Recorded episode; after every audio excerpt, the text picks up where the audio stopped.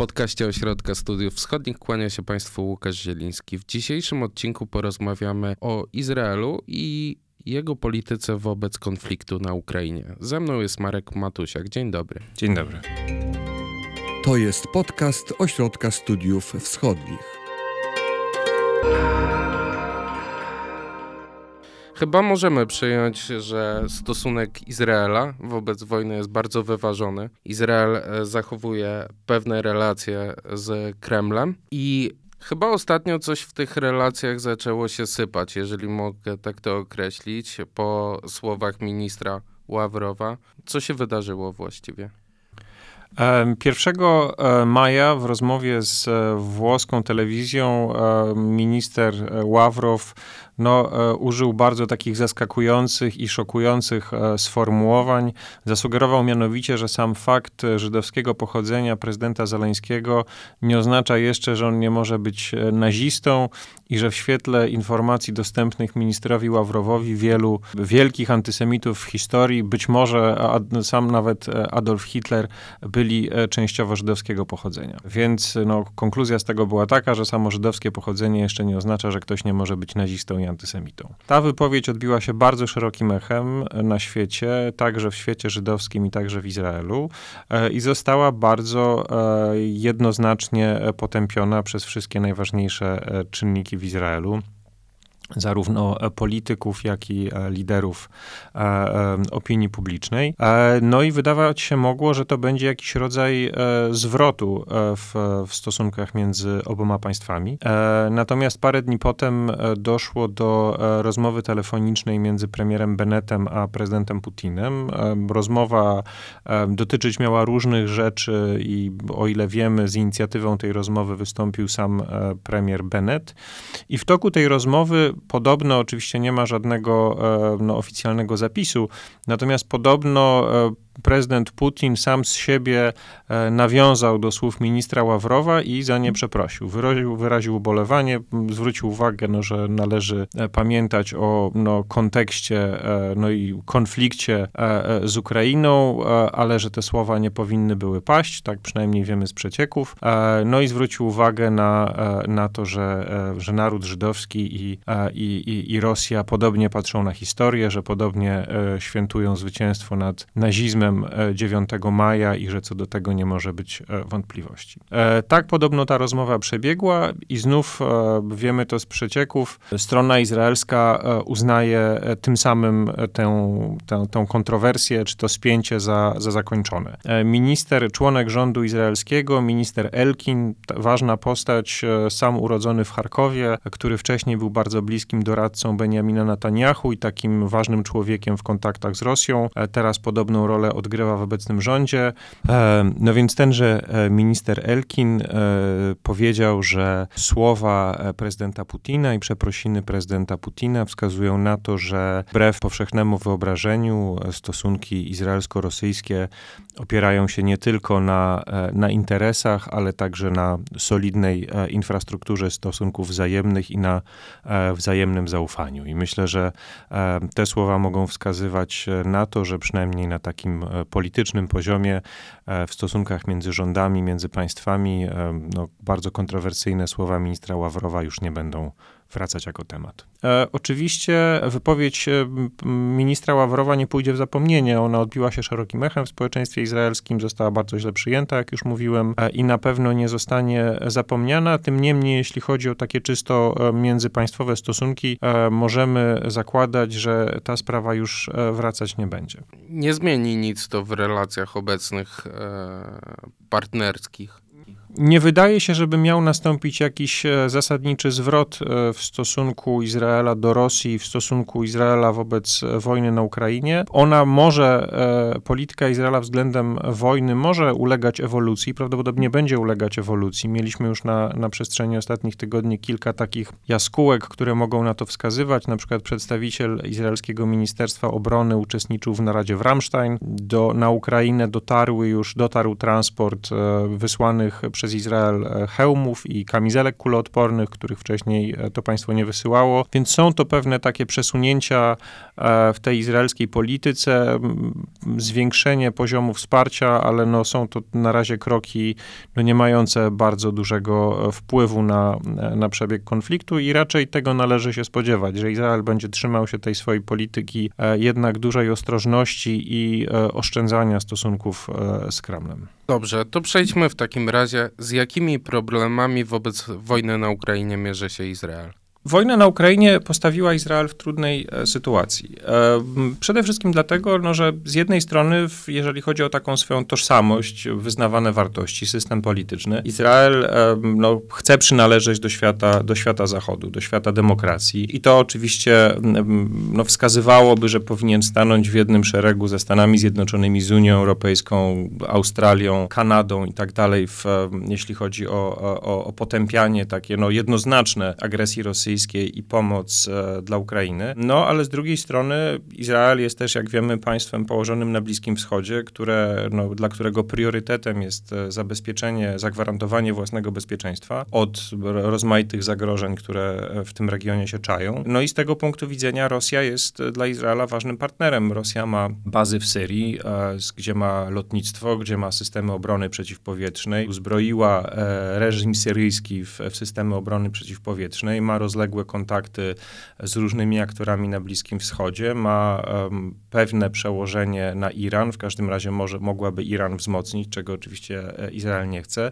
E, w związku z tym e, rząd w Jerozolimie no, uważa, że nie może sobie pozwolić na taką otwartą konfrontację z Rosją, nie może sobie pozwolić na bycie w pierwszym szeregu państw, które Rosję potępiają i które wspierają Ukrainę. W związku z tym Izrael stara się jakby pogodzić te dwa E, te dwa czynniki. No, z jednej strony chęć przynależności do, do świata zachodu i też presja, która jest na Izrael wywierana ze strony przede wszystkim Stanów Zjednoczonych w tej sprawie, no, a z drugiej strony to, żeby jednak tych stosunków z, z Rosją nie, nie zadrażnić do takiego punktu, e, gdzie mogłoby to być dla bezpieczeństwa Izraela e, groźne. A jak reakcja społeczeństwa? To jest ciekawe pytanie.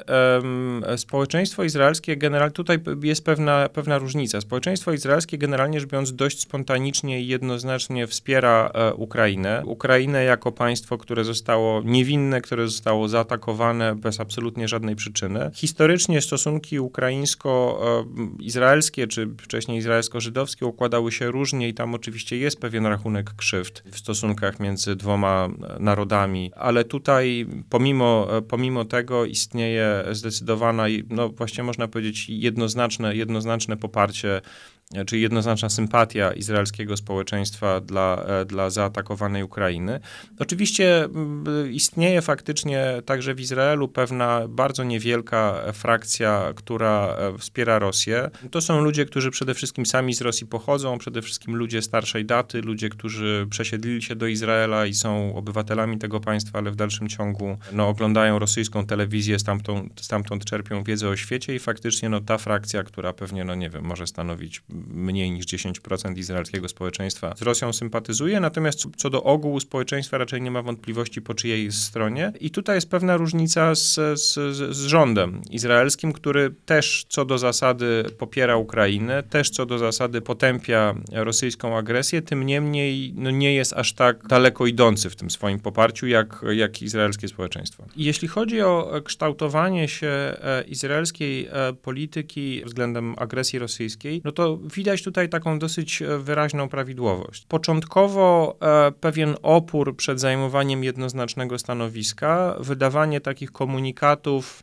no niejednoznacznych, czy bardzo miękkich, jeśli chodzi o, o, o, sformułowania, a potem ich stopniowe zaostrzanie w miarę tego, jak e, e, reaguje Zachód. To znaczy, i e, przykładów tego rodzaju zachowania było kilka.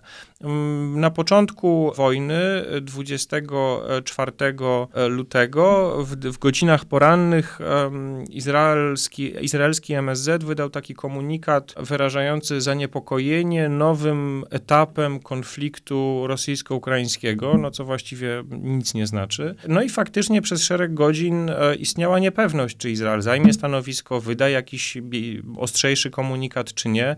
To było niepewne i z tego co wiem, w kierownictwie izraelskim, e, w elitach politycznych istniała, istniała rzeczywista, rzeczywisty spór co do tego, czy mamy reagować, czy nie reagować, jak ostro. No i dopiero w godzinach późno popołudniowych minister Lapid wystąpił i powiedział jasnym, jasnym tekstem, że my, e, państwo Izrael, potępiamy rosyjską agresję na Ukrainę. Czyli agresja została nazwana po imieniu i też sprawca agresji został nazwany po imieniu. Ale chwilę to trwało i nie było jasności, że to się tak skończy. Później kolejnym przykładem podobnych, podobnego zachowania była sprawa e, rezolucji ONZ. 25 e, e, lutego Stany Zjednoczone wniosły pod obrady Rady Bezpieczeństwa ONZ projekt rezolucji potępiający Rosję i proponowały dużej grupie krajów wystąpienie w, w roli tak zwanych sponsorów. No to jest taki ONZ-owski żargon. Bycie sponsorem jakiejś, państwem sponsorem jakiejś rezolucji oznacza, że jest się w gronie państw wnoszących daną rezolucję pod obrady. Izrael nie jest członkiem Rady Bezpieczeństwa, ale no mógł się do tych państw sponsorujących ten projekt e, e przyłączyć. Nie zrobił tego, odmówił. Mhm. Ku e, ku zawodowi e, e, Stanów Zjednoczonych i świata zachodniego. Natomiast już parę dni później, kiedy pojawił się e, temat tego, żeby no, to zgromadzenie ogólne ONZ przyjęło rezolucję, no bo Rosjanie ten projekt rezolucji na, na forum Rady Bezpieczeństwa za, zablokowali, zawetowali. Pojawił się projekt na forum zgromadzenia ogólnego, który przeszedł i tam Izrael już absolutnie nie tylko ten projekt poparł, ale też właśnie wystąpił w gronie państw sponsorów. Jeszcze innym przykładem podobnego zachowania jest, są izraelskie komunikaty po e, ujawnieniu zbrodni w Buczy. Najpierw 3 kwietnia minister spraw zagranicznych Jair Lapid wydał taki komunikat, czy zamieścił tweet, no, że te, te obrazy, które zostały ujawnione po wycofaniu się wojsk rosyjskich są okropne i że zbrodnie na cywilach są niedopuszczalne. No i to był taki komunikat, który coś mówił, ale jednocześnie czegoś nie mówił. Nie mówił potępiamy rosyjskie zbrodnie wojenne wojenne popełnione na ukraińskiej ludności cywilnej, tylko mówił, że jesteśmy zaszokowani, że doszło do zbrodni wojennych i że zostały one e, ujawnione po wycofaniu się wojsk rosyjskich. Potem w podobnym tonie, takim miękkim, wypowiedział się premier Bennett. Też powiedział, że jesteśmy zszokowani tym, co zostało ujawnione, ale nie powiedział, potępiamy rosyjskie zbrodnie wojenne. I dopiero dwa dni później e, znów minister Lapid powiedział e, otwartym tekstem, Rosja popełniła zbrodnie wojenne, my je potępiamy. Więc to, to jest pewna prawidłowość. To znaczy Izrael bardzo nie chce być, pójść za daleko, nie chce być w tym gronie państw, które pierwsze narzucają pewien ton, pewną linię polityczną, no ale potem, kiedy już właściwie cały zachodni świat e, tę linię e, przyjmuje, no to oni nie chcą odstawać od tej linii. Nie chcą, żeby ktoś im wytykał, wyście nie, nie potępili e, zbrodni wojennych. No, zwłaszcza dla państwa Izrael e, no, indyferencja czy brak jednoznaczności w sprawie zbrodni na cywilach byłaby bardzo, e, bardzo problematyczna. I czy ta polityka takiego lawirowania między Zachodem a Rosją, czy ona zdaje egzamin? W moim przekonaniu zasadniczo z punktu widzenia, oczywiście mówimy o, o punktu widzenia, punkcie widzenia e, Izraela, zasadniczo tak. To znaczy taka polityka utrzymywania zachodniej linii politycznej, ale z pewnym opóźnieniem z jednej strony, a z drugiej strony no to, żeby nie drażnić Rosji no zbyt daleko idącymi komunikatami i też sankcjami, bo o tym jeszcze nie rozmawialiśmy.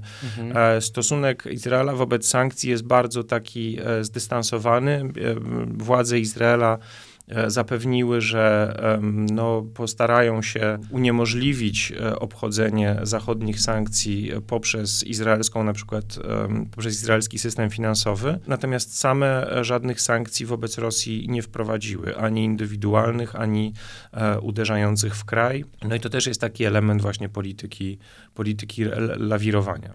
No właśnie, 14 marca Lapid powiedział, że Izrael nie będzie wykorzystywany do omijania sankcji, że będą łatać luki prawne, które by ewentualnie pozwalały na omijanie tych sankcji. No i jakie to luki prawne? No to tutaj nie mamy pełnej wiedzy. No, mamy tą, tą ogólną zapowiedź, że kiedy um, minister spraw zagranicznych Izraela zapowiedział, że właśnie będzie się konsultował z Bankiem Centralnym, z Ministerstwem Finansów, z Ministerstwem Energii, no żeby dokonać pewnego przeglądu potencjalnych luk prawnych, które mogłyby być wykorzystywane do omijania zachodnich sankcji, no i że Izrael ma wolę polityczną do tego, żeby te luki zamknąć. Ale konkretnej wiedzy na temat tego, jakie działania zostały podjęte, na ile efektywne one są, nie mamy. Podano do wiadomości publicznej kilka takich rzeczy, które na powiedzmy wstępnym etapie konfliktu miały pewne znaczenie, to znaczy to, że na przykład um, uniemożliwiono cumowanie w izraelskich portach jachtów należących do rosyjskich oligarchów, czy e, ograniczono prawo postoju e, samolotów prywatnych należących do rosyjskich oligarchów na izraelskich lotniskach. No ale to były takie rzeczy jakby konkretne, które zostały upublicznione, ale no, nie, nie rozstrzygające. Medialne, ale, e, ale w gruncie rzeczy nie, nie mające zasadniczego, zasadniczego znaczenia. Izrael również e, na początku wojny powiedział, że nie ma infrastruktury prawnej do wprowadzania sankcji. Jakby przyjął politykę taką, że stawia się w roli mediatora. Czy ta rola mediatora się sprawdziła? Faktycznie jest tak, że no, powiedzmy pod koniec e, lutego e, Izrael, przede wszystkim w osobie premiera Beneta, no, ogłosił, że, że podejmuje, czy no tak, uczestniczy w jakichś wysiłkach negocjacyjnych. Faktycznie w tym czasie, powiedzmy koniec lutego, pierwsza połowa marca, premier e, Bennett odbył szereg rozmów i z prezydentem Zełańskim, i z prezydentem Putinem. Odbył nawet taką dosyć zaskakującą wizytę w Moskwie. Nie zapowiedzianą i wypadającą e, w szabat, na co jest istotne, bo, bo premier Naftali Bennett jest, e, jest osobą wierzącą. Znów nie wiemy, nie mamy konkretnych informacji co do tego, jakie była, jaka była treść tych rozmów. Wiemy, że nic z nich nie wynikło. I te próby podejmowane przez Izrael gdzieś właśnie w połowie marca jakby umarły śmiercią naturalną. Premier Bennett nawet oficjalnie ogłosił, że w związku z problemami wewnątrz izraelskimi, zamachami, serią zamachów, która miała miejsce w Izraelu, on zawiesza, oficjalnie zawiesza swoje wysiłki mediacyjne. Mamy duży problem z oceną wartości tych, e, tych wysiłków. Izrael oczywiście nie jest państwem o takim potencjale, żeby mógł występować w roli mediatora takiej, jaką sobie wyobrażamy, że jest państwo, które ma wpływ na, jedno, na jedną stronę walczącą, na drugą stronę walczącą, może kłaść na stole jakieś propozycje rozwiązań. No Izrael oczywiście nie jest państwem o, o tego rodzaju potencjale, natomiast e, no, wiele wskazuje na to, że to był po prostu istotny kanał komunikacji. Jak wiemy, sam dostęp do prezydenta Putina jest problematyczny, więc no, wydaje się, że w tych pierwszych dniach wojny samo to, że ktoś mógł e, spotkać się z prezydentem e, Putinem i z jego ust bezpośrednio usłyszeć, czego Rosja oczekuje, jakie są rosyjskie warunki, czy Rosja jest w ogóle skłonna negocjować pokój z Ukrainą, no samo to miało pewne znaczenie. Natomiast um, ogólnie nie wydaje mi się, żeby też te, te, te, te wysiłki pokojowe izraelskie miały jakąś e, szansę powodzenia. No i też trzeba przyznać, że dla Izraela e, było to dosyć wygodne ustawienie się w takiej roli mediatora. Jak wyglądają obecne relacje na linii Izrael-Rosja? Izrael Generalnie rzecz biorąc, stara się kontynuować tę linię, którą, którą, którą przyjął na początku. Tym niemniej w stosunkach izraelsko-rosyjskich doszło do pewnych zadrażnień. One się najbardziej e, wyraźnie zamanifestowały po 7 kwietnia. 7 kwietnia było głosowanie nad, dotyczące wykluczenia Rosji z e, Rady Praw Człowieka w ONZ. To dopiero e, drugi przypadek w historii tej organizacji po Libii, po tym, kiedy Libia została wykluczona. Ten wniosek przeszedł, Izrael go poparł. Minister Minister Lapid też e, powiedział, no, że Izrael nie może pozostać e, obojętny e, w, w obliczu nie, nieuzasadnionej inwazji rosyjskiej i, i, mordów na niewinnych cywilach. To była dosyć taka mocna wypowiedź i ona nie pozostała bez rosyjskiej odpowiedzi. Rosy, rosyjski MSZ parę dni po tym głosowaniu wydał taki komunikat wyrażający rozczarowanie i zasmucenie izraelską postawą i komentarzami ministra Lapida. Stwierdzał, że Izrael próbuje wykorzystać tę sytuację dookoła Ukrainy, żeby odciągnąć uwagę świata od e, konfliktu izraelsko-palestyńskiego, który jest przecież najdłużej e, na świecie trwającym, nierozwiązanym konfliktem. Więc no to już była, e, był pier, pierwsza jaskółka pewnych, pewnych e, zadrażnień. Jednocześnie prezydent Putin wysłał osobisty list do premiera Beneta, Beneta domagający się zwrotu tak zwanego Aleksandrowskiego Padworia.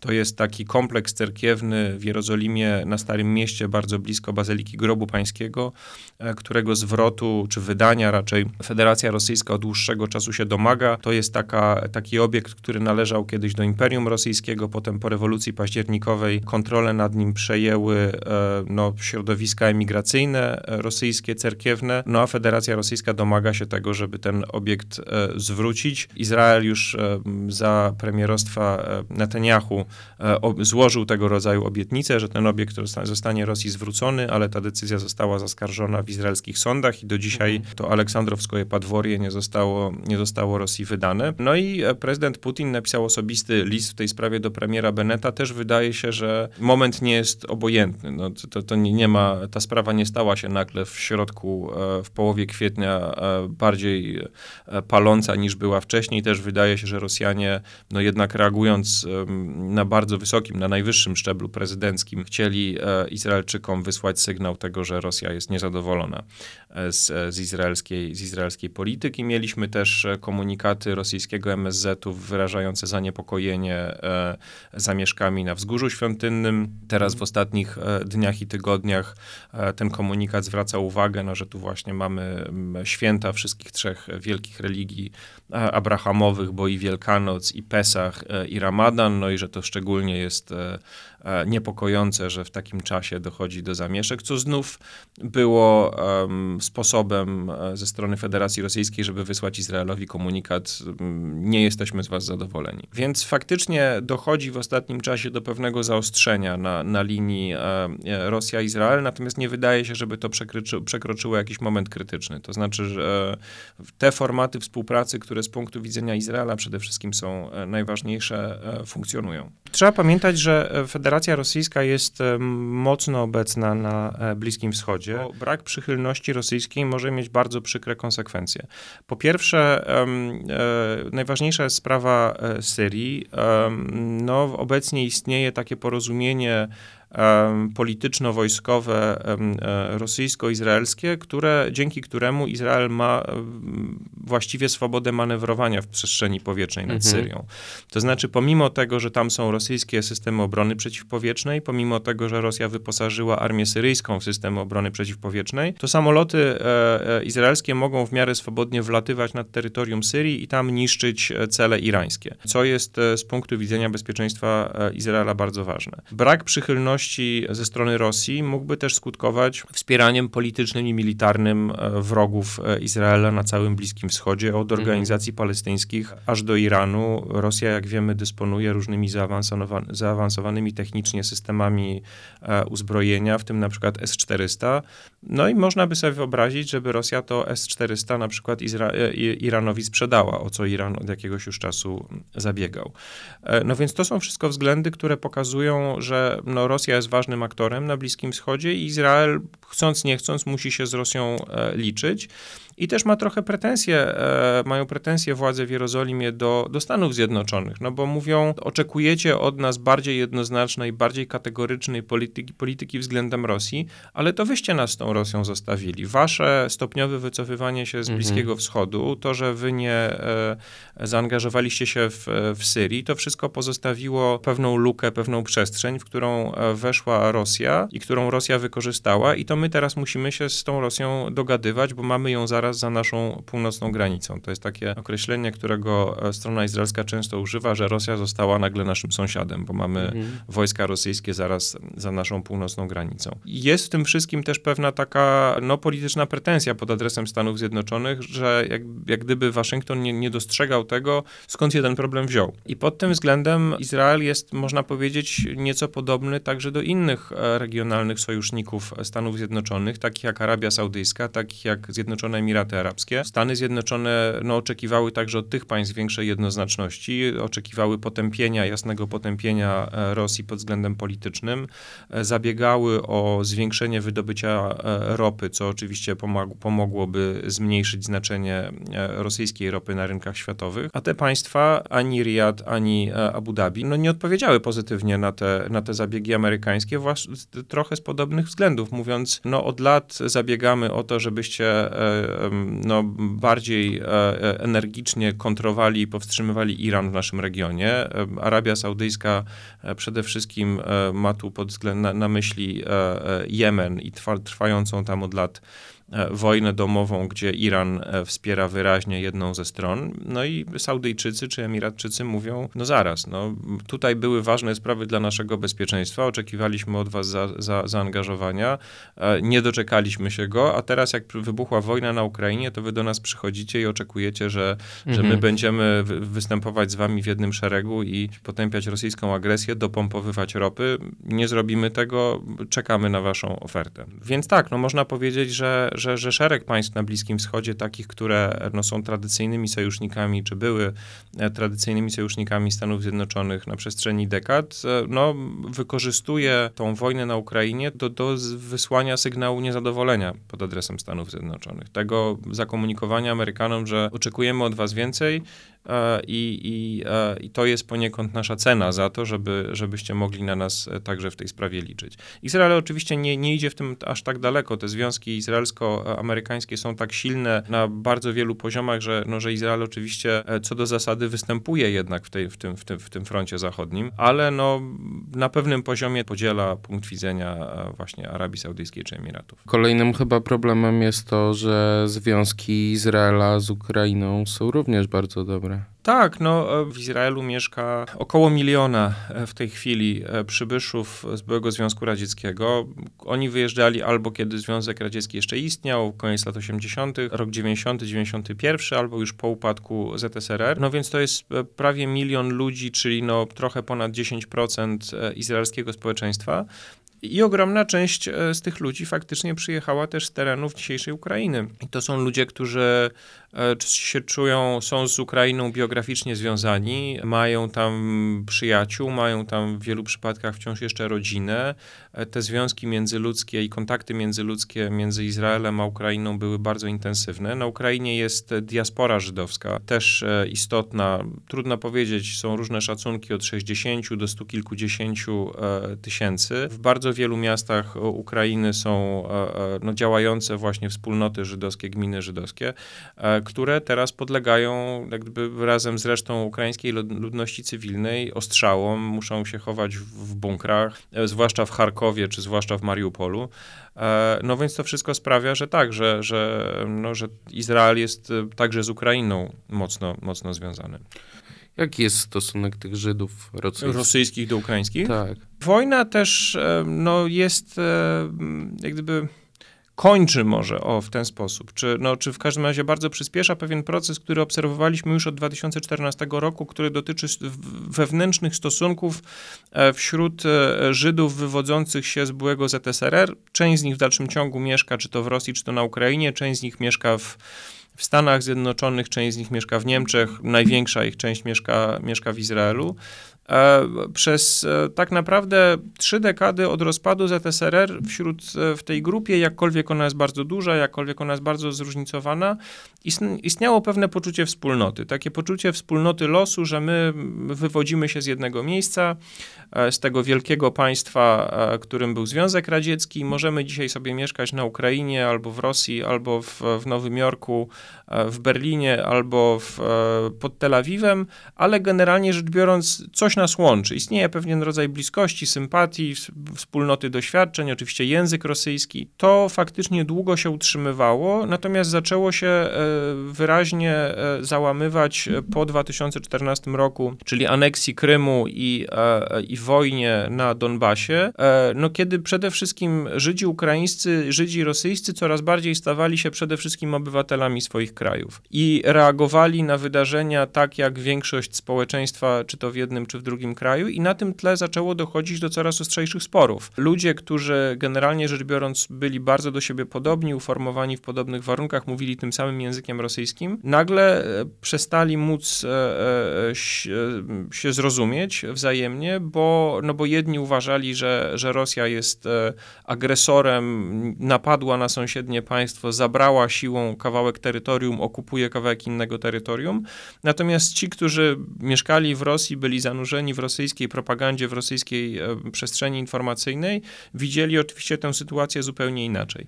I na tym tle dochodziło faktycznie do coraz większych e, podziałów, które się przenosiły, dotyczyły już nie tylko ludzi mieszkających na Ukrainie i w Rosji, ale przenosiły się też do wszystkich innych dużych skupisk Żydów wywodzących się z byłego ZSRR, czyli także Izraela. Także w Izraelu to nagle zaczęło mieć znaczenie. Nie, wcześniej nie miało znaczenia, czy ktoś był z mhm. Charkowa, czy ktoś był z dawnego Leningradu, a nagle się okazało, że to jest fundamentalna sprawa, bo w jakiejś bardzo ważnej kwestii ci ludzie przestają móc się porozumiewać i oczywiście teraz widzimy to, to jeszcze bardziej. No, podsumowując, należy stwierdzić, że Izrael jest państwem, które politycznie nie chce wypaść z tego peletonu zachodniego, stara się bardzo, jakkolwiek z opóźnieniem, ale jednak trzymać tą linię polityczną zachodnią, potępienia agresji, potępienia zbrodni wojennych, przyłącza się Izrael do głosowań na, na forum ONZ.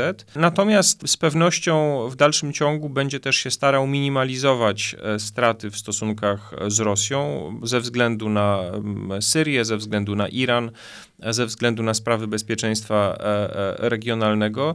E, I wydaje się, że tutaj raczej wiele się nie zmieni. Znaczy, należy oczekiwać, że także w przyszłości Izrael będzie unikał tego, żeby występować w awangardzie jakichkolwiek działań wymierzonych w Rosję, aczkolwiek oczywiście w, w miarę zaostrzania się i przedłużania się konfliktu wojny na Ukrainie, to może stać się dla Izraela coraz trudniejsze.